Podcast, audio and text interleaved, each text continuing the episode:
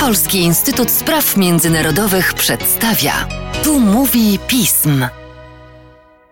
Tu mówi pism. Przy mikrofonie Mateusz Józwiak, a wraz ze mną Wojciech Lorenz, ekspert oraz analityk Polskiego Instytutu Spraw Międzynarodowych do spraw bezpieczeństwa międzynarodowego. Uszanowanie Wojtku. Dzień dobry. Tematem dzisiejszego podcastu, a także ostatniego napisanego przez Ciebie komentarza, do którego odsyłam naszych słuchaczy, jest kwestia strefy zakazu lotów nad Ukrainą. Władze tego państwa od kilkunastu dni apelują do państw Sojuszu Północnoatlantyckiego o właśnie taki rodzaj wsparcia, argumentując to koniecznością ochrony ludności cywilnej.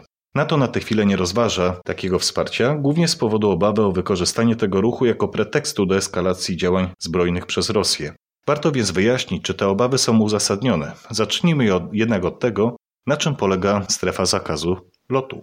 Strefa zakazu lotów to jest taki instrument humanitarny, który ma umożliwić obronę cywilów przed atakami z powietrza, przed atakami lotniczymi przede wszystkim. I on wymaga, krótko mówiąc, przejęcia kontroli nad przestrzenią powietrzną. Do tego potrzebne są samoloty rozpoznawcze, które będą kontrolowały, nadzorowały przestrzeń powietrzną i samoloty bojowe, które ewentualnie w sytuacji, gdy jakiś e, samolot będzie stanowił zagrożenie dla ludności cywilnej, będzie próbował ją atakować, no będą musiały strącić taki e, samolot, będą musiały chronić cywilów. Więc to jest e, narzędzie, które e, dosyć rzadko jest wprowadzane. W ostatniej historii, w ciągu ostatnich 30 lat, mieliśmy trzykrotnie do czynienia ze strefami zakazu lotów. Taka ograniczona strefa nad północnym i południowym Irakiem od już tej wojny w Iraku w 1991 roku aż do 2003 roku była utrzymywana, no ale potem też została wykorzystana nie tylko do obrony Kurdów przed e, atakami z,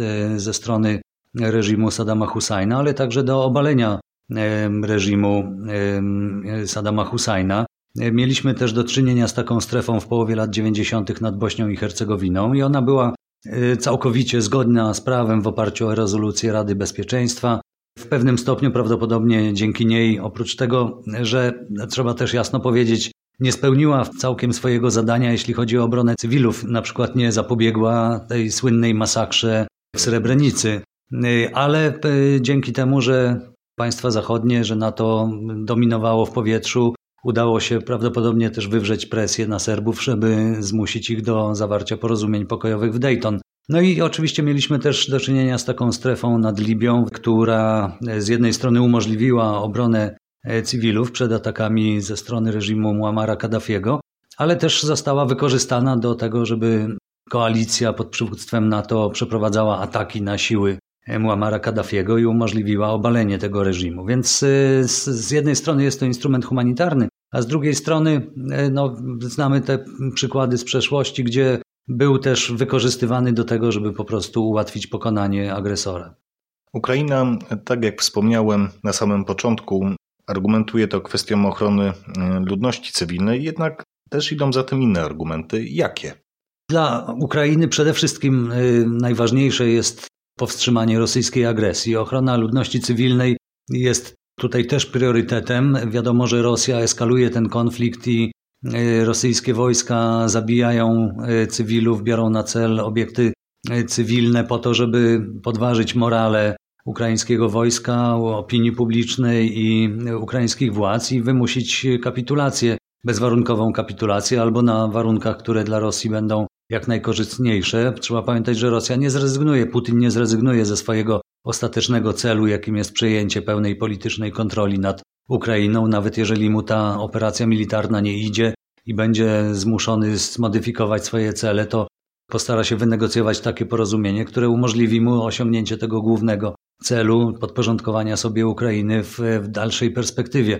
Więc oczywiście y, ukraińskie władze chcą chronić y, ludność cywilną przed atakami z powietrza. To jest absolutnie niezbędne dla morale, dla zdolności do obrony, ale też nie ma w tym nic dziwnego. Zachowują się tak jak każde państwo, które musi się bronić w obliczu agresji y, agresora, który dysponuje o wiele większym potencjałem. Starają się po prostu wciągnąć Zachód w konflikt chcieliby, żeby, żeby NATO albo jakaś koalicja międzynarodowa przyszła Ukrainie z pomocą.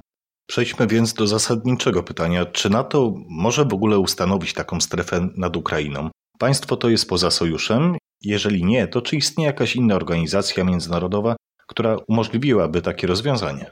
Sojusznicy liczą się z tym, że cele Rosji dotyczące Ukrainy to jest jakby część szerszego planu, który dotyczy także NATO i pozycji Stanów Zjednoczonych w wymiarze globalnym. Nie chodzi tylko o podporządkowanie sobie Ukrainy, ale chodzi także o wymuszenie takiej strefy buforowej na obszarze nowych państw członkowskich e, sojuszu. I Rosja postawiła już ultimatum w zasadzie Stanom Zjednoczonym i sojuszowi, domagając się wycofania amerykańskich wojsk i wojsk NATO z e, Europy Środkowej i Wschodniej, więc nie można wykluczyć, że Rosja zastosowałaby ten sam scenariusz, który stosuje wobec Ukrainy, czyli posługiwanie się instrumentem, jakim jest wojna do osiągnięcia swoich celów politycznych, nie można wykluczyć, że w jej interesie, w interesie Putina byłoby także sprowokowanie konfliktu z sojuszem. I sojusznicy patrzą na to dokładnie z tej właśnie perspektywy. Są gotowi udzielać pomocy Ukrainie, wysyłają sprzęt i uzbrojenie, ale nie chcą przekroczyć pewnej granicy, którą większość państw przynajmniej uważa za, za taką, która mogłaby dać Rosji pretekst do przeniesienia tego konfliktu z Ukrainy na terytorium sojuszu. Czyli e, wysłanie sił NATO na terytorium Ukrainy, wysłanie samolotów, które miałyby strącać samoloty rosyjskie, no oznaczałoby wejście sojuszu w bezpośrednią konfrontację z Rosją, przyłączenie się do wojny. Rosja wtedy by nie tylko atakowała e, siły NATO na Ukrainie, ale uznałaby to jako e, prawo do przeprowadzania ataków także na, na cele, na infrastrukturę NATO na terenie państw członkowskich, więc mielibyśmy do czynienia z eskalacją, a wtedy ryzyko konfliktu, eskalacji tego konfliktu aż do poziomu nuklearnego bardzo radykalnie by wzrosło. A w innym formacie i utworzenie też jest mało realistyczne, bo e, żeby taką strefę utworzyć, e, wyegzekwować, no to musiałaby powstać koalicja pod przywództwem Stanów Zjednoczonych, tylko Stany Zjednoczone dysponują takim potencjałem odstraszania, że można by w jakiś to akceptowalny sposób zarządzać tym ryzykiem, że, że Putin poczuje się tak już zepchnięty do defensywy, zapędzony do rogu, że, że e, odwoła się do groźby, czy wręcz do użycia broni nuklearnej. Więc w tym momencie jedynym wyjściem z, z tego jest takie dozbrojenie Ukrainy, przekazanie jej takiego sprzętu i uzbrojenia, żeby była sama w stanie kontrolować przestrzeń powietrzną, żeby była w stanie niszczyć e, rosyjskie samoloty, zwalczać przynajmniej częściowo e, rakiety i drony i w ten sposób zminimalizować groźbę ataków na ludność cywilną.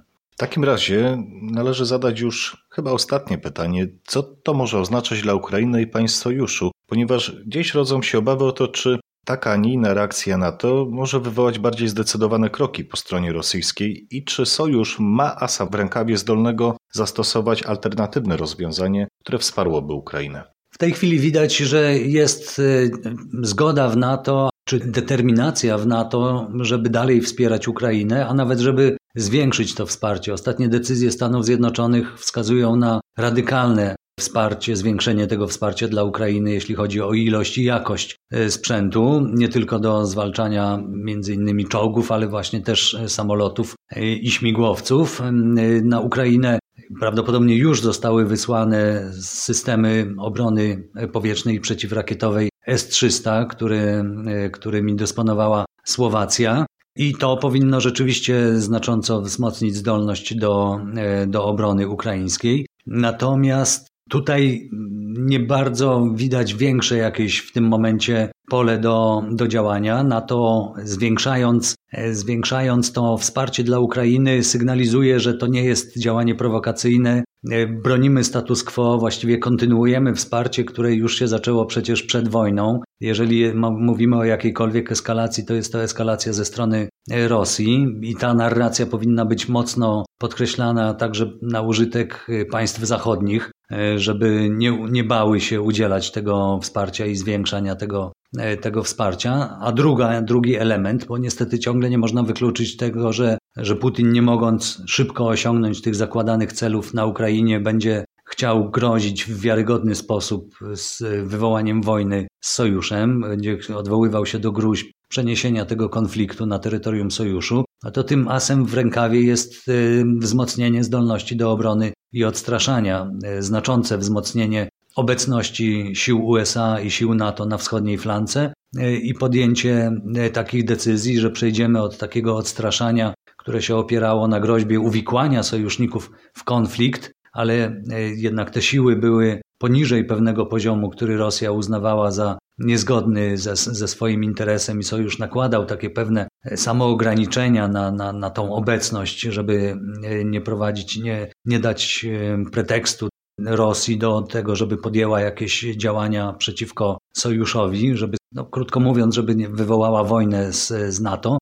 Te, w tej chwili widać, że te decyzje zmierzają w stronę taką, że sojusz no, będzie już podejmował tylko decyzje kierując się analizami wojskowymi. Należy spodziewać się o wiele większych sił, już chyba stałej obecności tutaj wojsk NATO i USA w regionie Europy Środkowo-Wschodniej. Nie da się ukryć, pewna linia została przekroczona, a wraz z nią zmienia się myślenie na tematy związane z aspektami bezpieczeństwa. Wojtku, dziękuję Ci za dzisiejsze nagranie. Dziękuję bardzo. Szanowni Państwo, w obliczu rosyjskiej agresji na Ukrainie codziennie wychodzimy naprzeciw tematom istotnych i wymagających wyjaśnień. Efekty tej pracy możecie zobaczyć na naszej stronie internetowej, w mediach społecznościowych, a także na naszym kanale YouTube'owym. Szczególnie zachęcam do śledzenia komentarzy i biuletynów, także Wojciecha Lorenca. Z mojej strony to wszystko. Dziękuję za uwagę i do usłyszenia.